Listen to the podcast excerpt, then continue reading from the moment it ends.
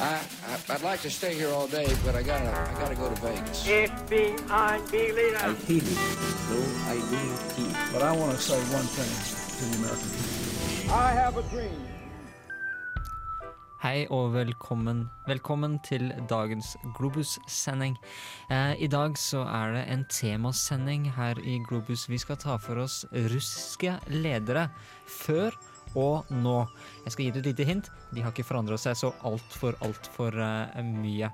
Vi håper at uh, du uh, følger med oss og har det veldig fint med dagens Globus-sending.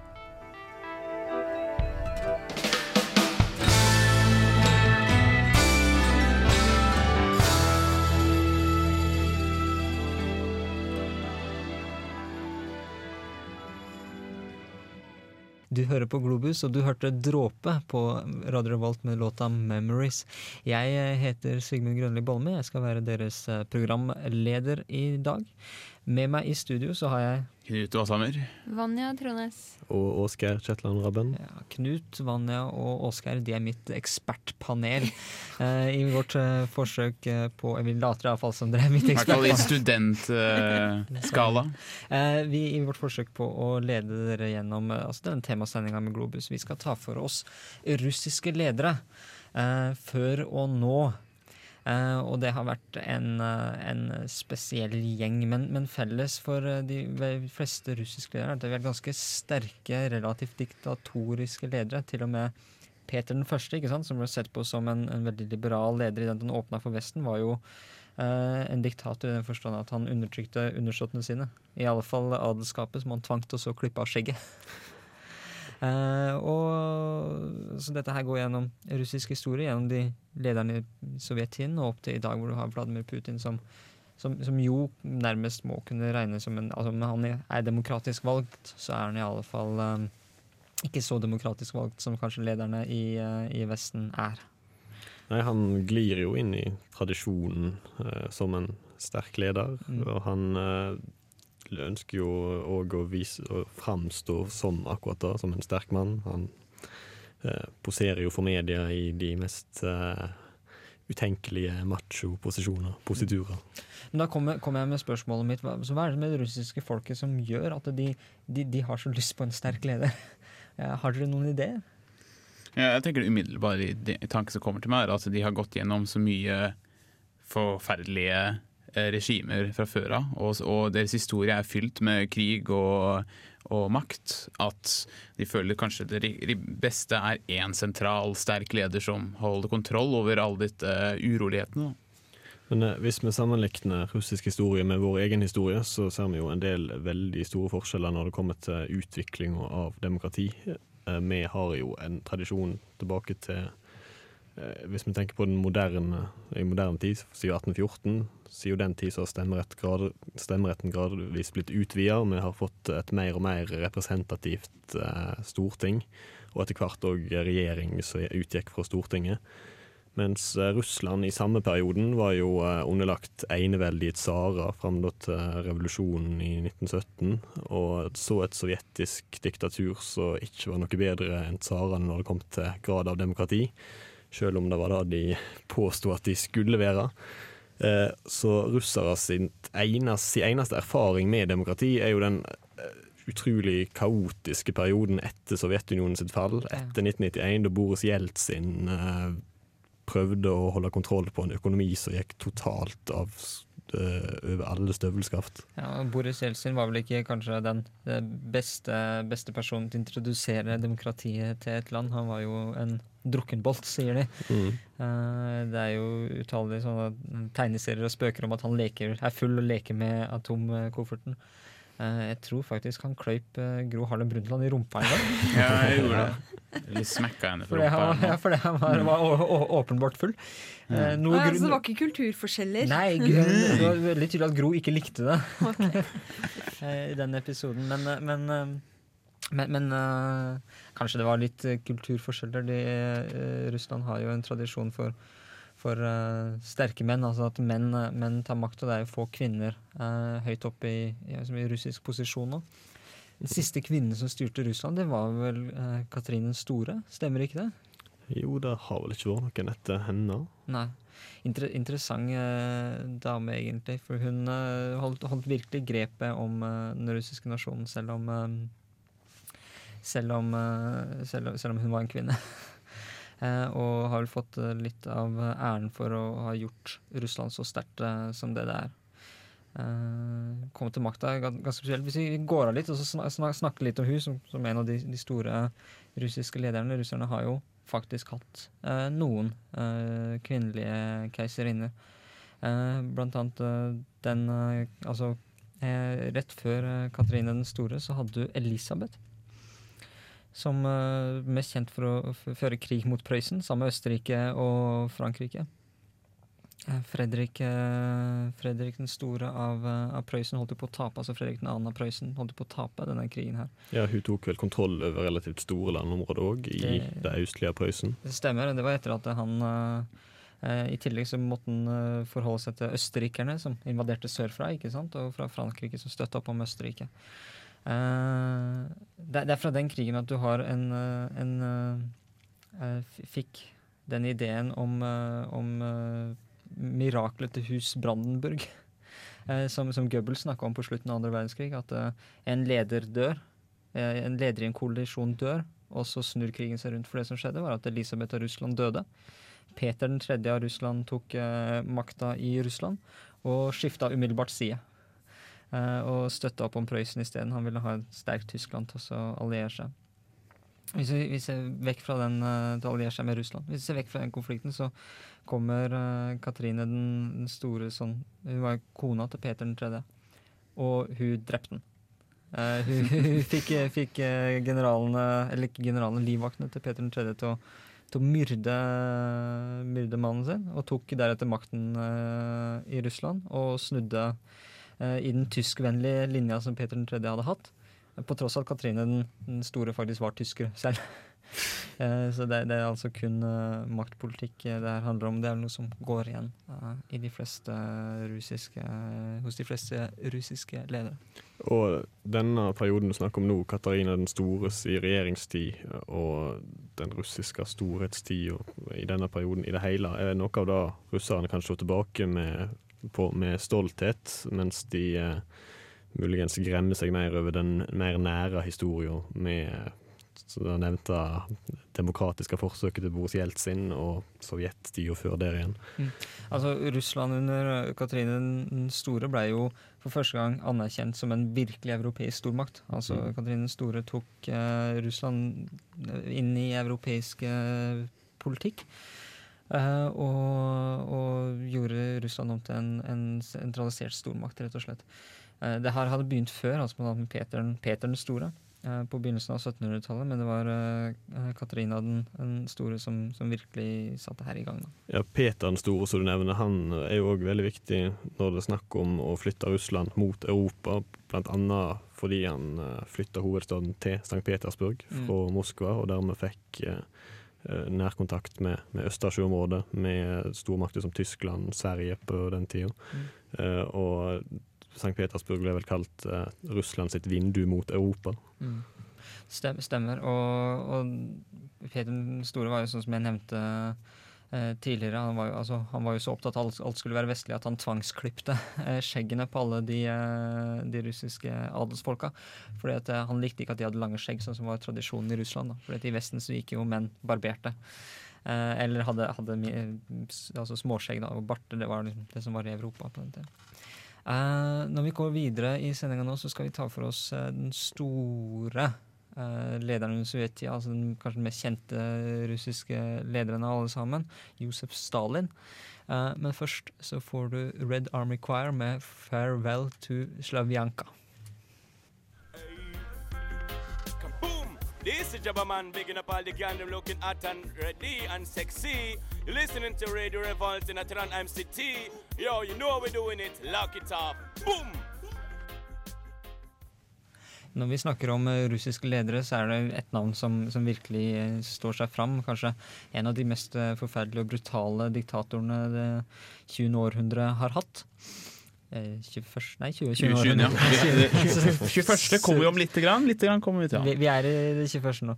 Surrer med det. Eh, og, og en mann som man eh, lurer på Kanskje begynner å nærme seg Kanskje faktisk drepte flere mennesker enn en det Hitler gjorde i konsentrasjonsleirer og i altså gulauger, da, som russerne kalte såkalt arbeidsleirer. Men, eh, men eh, Stalin var ikke alltid en sånn knallhard eh, diktator. Han var ung en gang òg, vokste opp i Georgia. Mm. Lille Stalin tråkka sine barnesko. Ja, men uh, han var ikke hard, men oppveksten var Var nok nokså hard. hard, så Mm. han eh, ble nok merka av det. Mm. Han vokste opp i en heim, som du sa, i går i, i Georgia. Der er det flere interessante ting med, med så, er verdt å merke seg ved oppveksten hans. Uh, faren var alkoholiker, han banka sønnen sin, lille Josef, uh, titt og ofte. Mm. Både mor og, Stalin ble banka så det sang, og når faren døde, så tok mor over og sørget for at han fortsatt fikk like mye juling. Så han eh, vokste opp i en veldig voldelig heim. Og i tillegg kom han fra da Gori, der en tradisjon hadde blitt bevart som hadde dødd ut i resten av Georgia. Nemlig at eh, ved store festligheter, da samla alle mannfolka i byen seg eh, i gatene og begynte å slåss. Sånn at hele, alle mannfolk i byen samla seg og slo til hverandre de lå strødd rundt i gatene. Og ja, i eh, seinere tid så var Stalin flau over å ha, vært med på den slags eh, primitiv oppførsel. Og folk i hovedstaden Tiblisi, som var litt mer kulturelt eh, Skal du si eh, eh, Avansert, ja, De så jo med avsky på det som foregikk nede i de landsbyene der.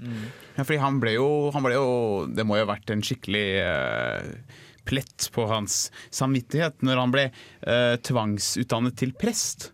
Ja, uh, han, ja der var, gikk det jo òg for seg når det gjaldt vold, for så vidt. Det var ikke noe kjære mor på presteskolen der Stalin gikk. Eh, det var jerndisiplin.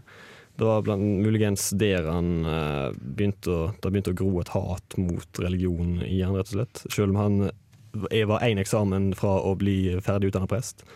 Uh, den hadde han nok bestått hvis han hadde prøvd. Mm. Så han kunne sin eh, bibel, for å si det sånn. Men eh, han var rasende på prestene som styrte denne internatskolen der han gikk. De, for de gikk og spionerte på elevene. Sørget for at de ikke las noe litteratur som kunne være kritisk mot, eh, mot religion i det hele tatt.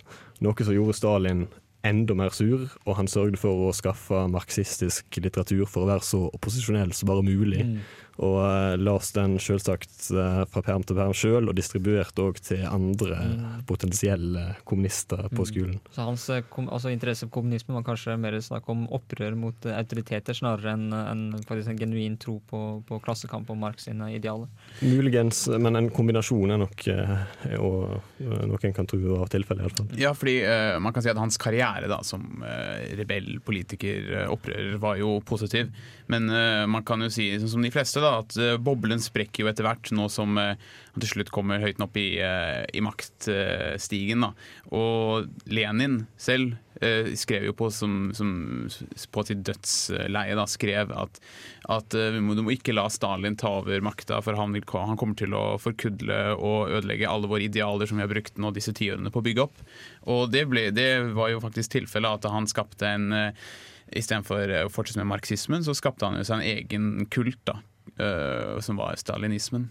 Og, og den kulten, den der Stalin-dyrkende kulten, den ser vi jo blomstre nå igjen, ganske overraskende, i Georgia. For der var det vel et valg i fjor hvor det var noen Stalin-vennligsinnede som vant. Mm. Og det er nå blitt reist Altså disse statuene som har blitt revet ned tidligere i Tbilisi, de de, eh, de blir reist igjen nå, da. Og borgermesteren sier at det er private aktører som har eh, lagt inn penger for å få reist det, men det mistenkes vel at det er eh, fra høyere hold. Jeg vet ikke. Mm. Det, det kan ikke være. Du ser altså at eh, en, en leder som har vært så brutal, eh, faktisk i stor grad blir omfavna og fortsatt er Mhm. omfavna av Og i Georgia, Georgia, i, og, alle land. Georgia, ikke sant? Og, og i Russland som helhet. Og det er viktig å huske på at når man eh, i Vesten tenker at man, eh, disse lederne har vært så forferdelige og vært så ondskapsfulle med det russiske folket, eh, så er det viktig å huske på at gamle damer gikk med bilde av Stalin i bibelen Mm. sin ikke sant? Og, og mente oppriktig at han hadde redda dem. Eh, Men når vi, snakker om eh, posisjonen hans i Georgia, så er den eh, interessant. For eh, jeg var i Georgia for eh, noen år siden. Det var eh, kort tid etter at Georgia hadde vært i krig med Russland. Så da var nok holdningene ekstra russisk-kritiske. Da er det jo for så vidt ennå, av det. Mm. Men eh, da hadde nylig den siste eh, gjenværende Stalin-statuen i Gori blitt reven. Eh, eh, men da, da var det også bestemt av sentralstyresmaktene, som ønsket å distansere seg mest mulig fra, fra Russland. Men befolkninga i Gori, i Stalins heimby, de var fortsatt eh, veldig stolte over å ha fostra en så stor sønn. Og hovedgata gjennom byen heter Stalin-avenyen, og det var Stalin og effekter på alle bauger og kanter der i gården. Det var iallfall ikke de ikke flaue over å vedkjenne seg eh, eh, å være hans opphavsstad på noen måte. Og det som også er viktig å forstå her, altså vi, vi ser veldig kritisk på Stalin som en leder, men vi må jo forstå at eh, eh, Russland og Sovjetunionen under hans ledelse, under hans tid, så var jo informasjon eh, veldig begrensa. Og folk visste jo ikke noe om hva omfanget av ting som Stalin muligens signerte og bestemte. Og istedenfor, pga. dyrkelsespolitikken hans, så vil, fikk jo alle en slags sånn uh, guddommelig bilde av han.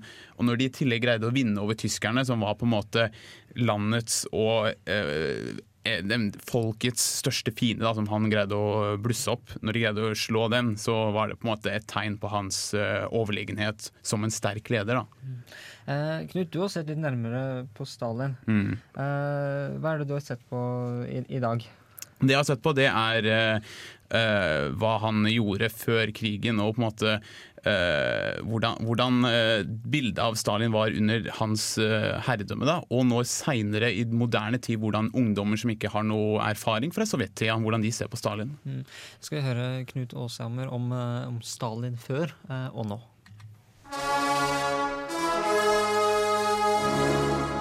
Etter at tsarens eneveldige og undertrykkende regime ble erstattet med den kommunistiske revolusjon, håpte folk at endelig var en rettferdig tid kommet. Men de fant raskt ut hvordan den russiske kultur av underkuelse og tyranni kom til å fortsette. Etter Lenins død var det én mann som kom til å ofre alt for å holde på makten til siste slutt. Dette var Josef Stalin, Stålmannen generalsekretær i kommunistpartiet for Sovjetunionen og øverste militærleder. Gjennom hans 31 år lange karriere som øverstkommanderende fra 1922 helt til hans død i 1953 var hans påvirkning på unionen total, helt inn til grunnvollene. Gjennom hele karrieren kjempet han om å stå alene med makten og utslette all politisk motstand. Han var ansvarlig for massemord og forfølgelser av egne sivile innbyggere, militærpersonell, krigsfanger og mennesker i de sovjetisk okkuperte landene. I tillegg innførte han en enorm selvdyrkelse, en personlighetskult kalt stalinismen. Dette gjennomsyrte alle politiske midler i unionen og skapte et ikonisk bilde av lederen for folket. Noe som fortsatt bærer spor i dagens Russland. Hans lederskap har vært kritisert og fordømt av mange, da spesielt av hans direkte etterkommer, Nikita Khrusjtsjov, som tok over som generalsekretær i 1958 etter mange år med forhandlinger om stillingen. Han fordømte Stalin som en ødelegger av Lenins idealer og grunnpilarer i unionen. Hans stalinisering av Sovjetunionen, masseforfølgelsene på 1930-tallet og de enorme utrenskningene i militæret, politikken og den intelligente eliten før den andre verdenskrig er fortsatt en av de mest sårbare diskusjonstemaene om mannen. Det nevnes aldri i den russiske dagligtalen, og fagbøker i grunnskolen nevner sjelden noen detaljer om Stalins beryktede styremåte. Til tross for alle forferdelighetene har den russiske befolkningen i dag blandende følelser om Stålmannen. Undersøkelser i 2007 viste at over halvparten av den russiske unge befolkningen mente Stalin gjorde mer godt enn ondt. Og halvparten av dem igjen mente stemplingen av Stalin som en ubarmhjertig tyrann er feil. Over 35% av russerne ville stemme på Stalin om han levde i dag. Halvparten av disse mente Stalin var en god og vis leder. Den rette mann til rett tid. Verre var det i 2008, da han havnet på tredjeplass i utmerkelsen av de topp 100 russerne gjennom all tid, selv om ironisk nok han var georger. Men synet på Stalin er ikke like rosenrødt i de tidligere satellittstatene. I Ukraina og Polen er synet spesielt hatefullt. Ukraina hadde en massiv hungersnød under Stalins kollektivisering og industrialisering av landet på 20- og 30-tallet. Og i Polen er de spesielt hatefulle etter de grufulle utrenskningene i starten og rett etter den annen verdenskrig. De få gjenlevende vitnene av Stalins tid sier selv de visste lite om skjebnen til hundretusenvis av sine landsmenn, men at de trodde at en leder ikke kunne være på noen annen måte i den tiden de levde i. Men de, som alle tidligere russere, har fått banket inn i dem gjennom århundrer av tyranni og enevelde. At det er det mest naturlige i verden, som at tundraen kommer hvert eneste år. At det finnes en hard og ubarmhjertig leder som driver folket gjennom krisetider. Like ubarmhjertig som landskapet de lever i. Hei, det her er Josten Pedersen på Radio Revolt. Radio Revolt, 12 points. Før, uh, før The Red Army Choir så hørte du altså Knut Aasheim som snakka litt om uh, Russlands, eller Georgias store sønn, Stalin. Eh, han var vel kanskje Han var en relativt brutal eh, hersker, sånn uh, hersker i går. Og noe av det som han er eh, kanskje mest berykta for, er den, den eh, utrensningen som han drev med. Blant annet i militæret og blant eh, overklassen i Russland, men også hans eh, forflytninger av folkegrupper. Mm. Eh, han hadde jo uh, mistanke mot de fleste ikke Eller iallfall spesielt mot ikke-kristne folkeslag, muslimske folkeslag av tyrkisk avstamning, f.eks., i Kaukasus. Uh, andre folkeslag som han uh, så på som potensielle Skal vi kalle de femte kolonister. Tyskland invaderte Russland i 1941, eh, og da var Stalin livredd for at noen av de ikke-russiske folkeslagene skulle sammen, samarbeide med tyskerne og, og sabotere de russiske angrepsplanene. Det hadde vel kanskje grunn til, for det var jo en del, eh, en del av disse folkeslagene som, som virkelig hata russerne. Da kan han jo ha hatt grunn til når det gjelder ukrainerne. De var i alle fall ikke pro-Stalin, kan en trygt si. Eh, Men de, de fikk jo ikke li på denne måten. Eh, Det er jo først og fremst folkeslag i Kaukasus-området, bl.a. tsjetsjenere, som ble transportert eh, til Sibir og til Kasakhstan. eh, Uten at det var grunn til å gjøre det fra et strategisk, kynisk perspektiv. Han var paranoid når det gjaldt denne type saker. Men dette har jo Russland fått eh, fått svi for i senere tid. Noe av det tsjetsjenerne bygger opp sin motstand mot Russland mot i dag, eller under de tsjetsjenske krigene på 90-tallet, er nettopp eh, denne behandlinga de har fått. Ja, og det er, man kan jo se på en måte sammenheng, sammenheng da med en brutal oppvekst korresponderer med en, eh, en brutal styremåte og paranoia når, eh, når, han, når han er leder over en hel haug med forskjellige etniske folkegrupper. Det er jo ikke russere, er jo ikke en russer, det er jo eh, mange forskjellige små minoriteter og store. Eh, og en ting som var spesielt, eller som, eh, som han eh, han var jo svært paranoid under hele krigen. Eh, For han var jo alltid redd at noen skulle si, eh, da spesielt da før Stalingrad og, og, og krigens lykke kom tilbake til russerne og, og snudde for tyskerne. Før det så var han jo redd for at eh, det skulle være mytteri hele tida. Og det, det er jo vært berømt det her med at eh, etter invasjonen eh, 22. juni, så, så var det, gikk det hele tre uker før Stalin gjorde noe som helst. Han talte ikke til folk eller noe, så det var på en måte en tre ukers gråsoneperiode. da, Og da hadde jo allerede tyskerne kommet langt, hundrevis av kilometer inn i landet. Og, han, og når, eh, og når eh, Molotov og alle, og alle sekretærene kom til, eh, til eh, villaen hans, så trodde de at skulle, de skulle henrette han.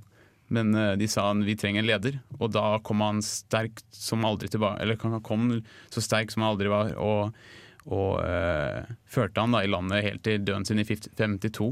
Og da, da var han kompromissløs, for før det så var han jo Da kunne han på en måte ta kompromisser, men etter det, når han så at eh, hans øverste undersåtter de stolte på han og støttet han, da var han kompromissløs i brutalitet. Uh, men uh, ja, ne- nettopp den kompromissløsen hans i brutaliteten uh, førte vel til at han etter hvert kanskje ble myrda, for det er vel snakk om Ja. at, eh, han ble, eh, at han ble myrda, annet at legen hans eh, tok livet hans. Jeg har hørt teorier som går på at Stalin mot slutten, altså på begynnelsen av 50-tallet, planla en, en tredje verdenskrig. Altså en krig mot Vesten.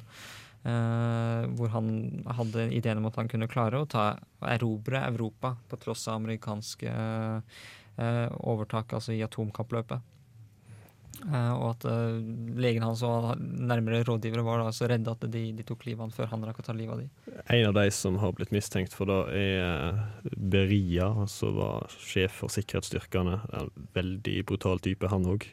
Men han skal ifølge Nikita Khrusjtsjov sine ikke så nødvendigvis troverdige memoarer ha sagt etter at Stalin døde, at nå tok vi knekken på han. Mm. Eh, men hva han personlig skulle oppnå med det, er det jo vanskelig å se for seg. Muligens hadde han fått en trussel mot seg i forkant. Mm. Eh, og så Stalin død, og du får eh, altså Nikita Khrusjtsjov som etter en, en liten maktkamp kom, kommer en relativt blodløs maktkamp. For dette, på det tidspunktet her så hadde de sovjetiske lederne bestemt seg for at eh, nå får det være nok. Nå gidder vi ikke å drepe hverandre lenger, nå er vi så slitne alle sammen at eh, nå, nå holder det. Eh, hvor du har Nikita Khrusjtsjov som er en ganske annerledes leder enn en det Stalin var. Iallfall en, en, en mindre brutal, da, eh, i den forstand. Ja, han, han eh, ville jo først og fremst eh, destalinisere landet etter så mange år med stalinisering. Eh, Og han dem, ville demilitarisere landet. Man, det høres kanskje merkelig ut, for dette var jo dette var jo da på eh, Ikke starten. eh, Den kalde krigen begynte jo under Stalins regime. Men uh, Khrusjtsjov hadde jo lyst til å uh, fokusere mer på landbruket, som ble totalt uh, ignorert av Stalin. Han ville heller ha en sterk eh, industri, eh, tungindustri. Så han kasta landbruket ut. Og det vil da Khrusjtsjov eh, eh, rette på, da. Ja, Stalin hadde vel sine planer for landbruket, han for så vidt. eh, Men eh, om kollektivisering og førte fram, eller førte til noe økt produksjon, da er vel heller tvilsomt. Eh, Vi nevnte jo tidligere hungersnøden i Ukraina. 30, over 30 millioner var det ikke det, som døde, og snakk om eh, kannibalisme eh, i noen distrikter. Da, dette her har jo ukrainske styresmakter nå i eh, moderne tid fått vedtatt i parlamentet sitt at de ser på som et folkemord. At Mm. Stalin eh, bevisst straffa ukrainerne for ikke å være lydige nok mot han. Men det er veldig omstridt om, det- om det var en straff, eller om det rett og slett var dårlige avlinger, som jo Stalin sjøl påstod at var årsaken. Mm. Før, før eh, vi går videre, så har jeg lyst til å trekke fram noe med, med at eh, Khrusjtsjov eh, tok over etter Stalin. Det her fører seg jo inn i den rekken, altså den der vitsen blant, eh, blant politikere og statsvitere og historikere om at, eh, om at eh, Russland følger en veldig, en veldig streng eh, streng linje av folk som, som tar makta, i den forstand at først så har du en skalla person, så har du en person med hår, og så har du en skalla person igjen, og så en ny person med hår. Ja, for det Eh, merka meg at de har alltid sånn annenhver. Le Lenin, ikke sant? Eh, skalla. Stalin, hår. Khrusjtsjov, skalla. Brezjnev, eh, hår. ikke sant? Og så kommer du til Gorbatsjov, eh, som var skalla. Så... De hadde et par imellom der, da, men ja, ja, eh, de, de de var- regner man nesten ikke med. Nei, men, men, men ja, og så eh, og så opp til eh, Putin. Putin, som, som da er skalla igjen. da. etter. Etter en Jeltsin så hadde jeg litt grann eh, grått hår. Litt grå Litt måne. Ja. Mm. Og at det i tillegg, at det i tillegg eh, forandrer seg sånn altså hard, snill, hard, snill, hard, snill. Eh, dette går jo enda lenger tilbake enn de sovjetiske lederne. I den forstand at man trodde eh, at Eller ikke bare trodde, altså eh, en, eh, en sønn av en tsar ofte ville eh, hate faren sin. Og derfor ikke skulle bli noe som pappaen sin. Men gjerne så opp til bestefaren. Eh, så, så de heller altså fulgte bestefarens linje. Da. Hvis bestefaren var konservativ, så ble eh, barnebarnet konservativ, mens faren ofte da var liberal. Høres ut som evolusjon, det her. På en måte, så, så Russland ble på en måte stående fram og tilbake. da mellom, mellom. Det så litt sånn pendelbevegelse. Ja, riktig. Eh, Det er, det er en vits, men den eh, er eh, skremmende nøyaktig, egentlig. Eh, når, man ser på, når man ser på de russiske lederne. Ja, altså, det er jo eh, eh, Når man ser noe med, på, eh, med Stalin, da, som er spesifikt, er jo man, ser, man, no, man har jo prøvd å liksom få fram de positive tingene som man eh, gjorde for uh, Russland og Georgia, men uh, jeg syns det er litt vanskelig å, å se det positive, fordi Georgia, de, de, de, de, likte på en måte ikke, ikke Stalin så veldig mye når kommunismen falt. Hva kunne være grunnen til det? For Jeg syns det var interessant å lese da, at uh, Georgia var jo sånn, uh, støtte han under, og støtta han fullt ut når han var leder, men også under kommunisttida. Men når det falt, så, så kom det jo mer sannhet fram. Eh, Stalin var jo involvert i Georgia på flere måter eh, etter at han forlot landet eh, på, på 20-tallet. Eh, Etter at eh, Lenin hadde konsolidert makta, borgerkrigen i Russland var over, da hadde Georgia et eh, det du kan kalle et eh, sosialdemokratisk styre. De ville ikke eh, underlegge seg de samme strenge kommunistiske retningslinjene som Russland og resten av Sovjetunionen var underlagt. Så da invaderte Stalin rett og slett sitt eget heimland. Eh, han hadde ingen støtte i heimlandet når han gjorde det, bortsett fra et par andre kollegaer som òg var flytta ut av landet. Eh, og Georgia mista da det de hadde av det du kan kalle en viss frihet innad i Sovjetunionen. Mm. Lenin var en tilhenger av at de ulike sovjetstatene skulle ha en viss frihet, og de ulike folkeslagene, mens Stalin var jo da langt mer sentraliserende. Og etter hvert så Historikere i dag ser ofte på han rett og slett som en russisk nasjonalist etter hvert, selv om opphavet hans jo var georgisk. Eh, veldig interessant eh, tema, Stalin. Vi skal gå litt videre i sendinga. Nå får du Aula med I Collapse. Eh, vi har snakka om Stalin eh, til nå i sendinga, eller ganske mye om Stalin. Eh, og Stalin hadde jo et veldig spesielt forhold til den russiske kirken. Han, han forbøyen, som du snakka om, Oskar, han hata, hata kirken, og, og hata antageligvis kanskje prestene som var en del av han. men Stalin er jo egentlig litt atypisk for russiske ledere. For tradisjonelt så har monarkiet og kirken i Russland gått hånd i hånd. Ja, en ser jo en klar tradisjon når det gjelder de russiske tsarene, måten de har behandla kirka på. Forholdet deres til kirka, rett og slett.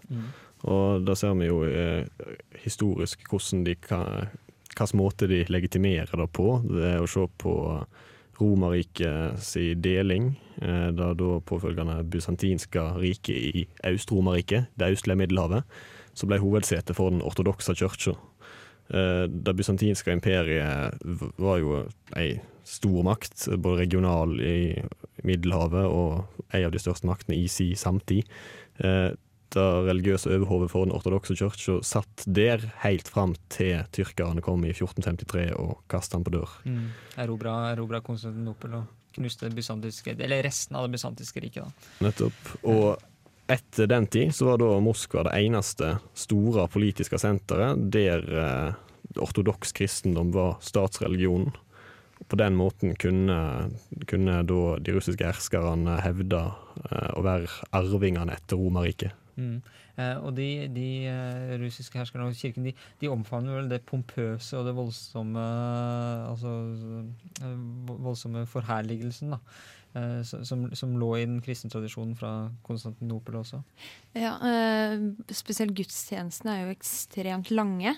Eh, de har jo en sånn policy på at når nye ting blir lagt til, så skal ingen, ikke noe av det gamle det skal ikke ut. Så det blir bare mer og mer.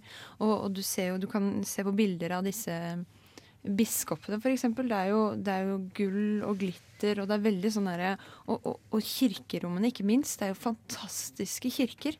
Eh, så du kan jo tenke deg når det kommer eh, folk fra landsbygda som knapt har vært i en kirke, kommer inn til byen og inn, beveger seg inn i et sånt kirkerom. Det, det blir jo helt um, Altså det, det er en opplevelse for folk fra landsbygda, det er virkelig. Men samtidig så er det jo veldig sånn um, Jeg syns jo at det er Jeg syns det er veldig, veldig sånn rart at et land, som Russland kan ha en så, så pompøs og hva, hva heter det? Over, Overdådig. overdådig eh, statskir Ikke statskirke, kirke. Men, men, men kirken er jo også veldig knyttet til russisk kultur og tradisjon, da, selvfølgelig. Eh, og ja, om det er mye glitter og gull, jeg vet ikke. Altså For de russiske lederne så har det nok vært, eh, vært eh, en fordel å kunne knytte til seg kirken og, og gjøre den så pompøs som overhodet overdådig som overhodet mulig. Eh, for du imponerer de vanlige folka, ikke sant? Sånn som du snakker om, eh, Vanja. Altså, kommer inn i kirken og du ser, ser gull og glitter og, og enda mer under troninger og, og, eh, og, og innsettelse, altså innsettelse av nye tsarer, da, så kan virkelig tsaren smykke seg med kirkens omfavnelse. ikke sant? Eh, en tsar, bare en liten sidefortelling, en tsar som Kanskje den aller første tsaren faktisk i Russland, første mannen som kalte seg tsar i Russland, eh, Ivan den, eh, den fryktelige, er det det du Det er vel Grusomme. Ivan, Grusomme, er det det- er det er Ivan den store, den tredje vi snakker om, muligens, heller. Eh, Nei, altså Ivan, Ivan Nå snakker jeg om Ivan den, den eh, Grusomme. grusomme. Beklager, jeg trodde du snakket om han som hevda å være etterkommeren eh, etter det bysantinske riket. Ja, ja men Ivan, Ivan grusomme brukte også, også dette, hevda også dette at han var etterkommer av det bysantinske riket. Han seg, var den første som kalte seg tsar. Uh, og han uh, satte seg sjøl opp Uh, kun under erkeenglene, altså i hierarkiet, i uh, Guds uh, hierarki. Nå må du rette på meg hvis jeg tar feil, Oskar. Uh, ja. Eh, Bare en liten eh, apropos på det der med det overdådige. Eh, Det, det, ble jo virkelig, det tok jo helt av. Det var for noen år siden hvor det var et møte mellom en del biskoper hvor det, hvor det Ermene på disse kappene de bruker, de gled opp. Så kom det til syne gullklokker til verdi av flere hundre tusen kroner. Og da, ja. og da ble det virkelig fart en diskusjon der. Men, men jeg syns også det er imponerende hvordan eh, kirken, altså den russisk-ortodokse kirken har blitt forfulgt, da, og spesielt på 20- og 30-tallet ble forfulgt, og prester ble henrettet. og etter hvert også etter andre verdenskrig det, det, tok, altså det roa seg litt under andre verdenskrig, men etter andre verdenskrig så ble kirken pålagt en mengde restriksjoner.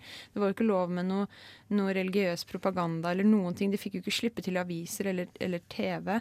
Og eh, antall kirker gikk vel ned fra 30 000, aktive kirker fra 30 000 til under 500, men allikevel så har de dag, den dag i dag en medlemskare bygd seg opp på over 80 millioner, minst over 80 millioner eh, medlemmer. Så det er ganske imponerende at et land som har i så mange år hatt kirke og stat atskilt, at de har så stor oppslutning som de har, etter, etter en kommunisme som, som forkynte ateisme, da, for å si det sånn. Mm. Eh, og grunnen til at kommunistene var så harde på kirken, var vel også fordi at eh, kirken tradisjonelt hadde støtta eh, tsaren? Støtta Mm. det eksisterende eh, regimet. Eh, men det, burde, det ser ut til at de nye russiske sånn som Vladimir Putin, har, eh, har omfavna kirken til en mye større grad og forstått at eh, det er ikke noe man Hvis man har tenkt å styre, så er det ikke så lurt å legge seg ut med de da, egentlig. Nei, Putin han ønsker å være venn med alle store religiøse ledere i, i Russland. Kirka er selvsagt den desidert viktigste religionen. Men som vi snakket om tidligere, så har Russland hatt problemer med diverse muslimske folkeslag som har ønska selvstendighet. En av måtene Putin har prøvd å tilnærme seg disse på en fredelig måte på, er å bli venner med religiøse ledere for, eh, for eh, muslimer, og som sagt for andre religioner.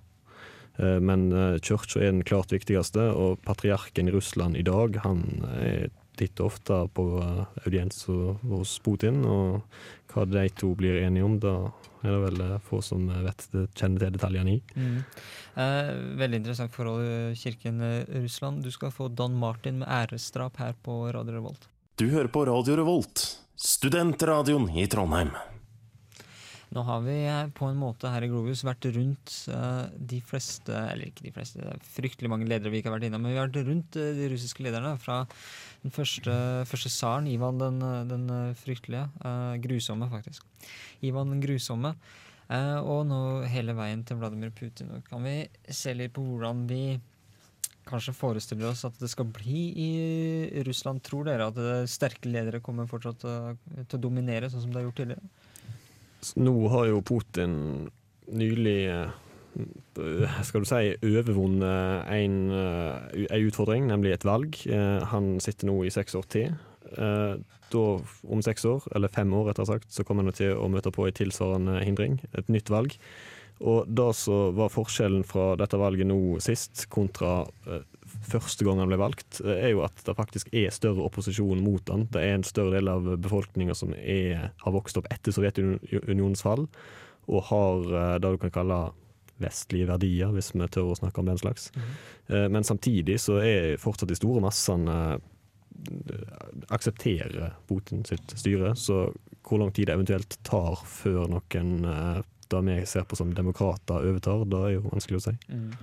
Ja, altså, jeg, jeg tror at det vil mye fortsette som det har vært. Det jo, man ser jo det i kulturen at, og historien at uh, disse store lederne vil, eller har, ha eksistert i lang tid under forskjellige navn, former og styresett. da. Så jeg, ja, tror det. Det vil bare fortsette. Det kommer til å være vanskelig kanskje å forandre på dette uh, umiddelbart.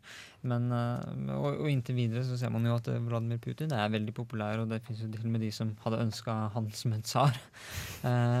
men en ting som er greit med russiske ledere, er at de, du, du som regel, vet som regel hvor du har dem. Uh, det var Ghost of the Red Cloud, som du uh, hører begynnelsen på der. Det betyr at uh, Globus for i dag er ved veis ende. Vi har prata om russiske ledere. Vi kunne prata mye lenger og omfattende om det her. I studio så har du hatt Knut Ashammer. Vanja Trondheim. Og Oskar Kjetland Raben. Ja, deres programleder i dag har vært Sigmund Grønli Bolme. Takk for at dere hørte på, og vi signer av her fra Globus Radio Revolt. Ha det bra.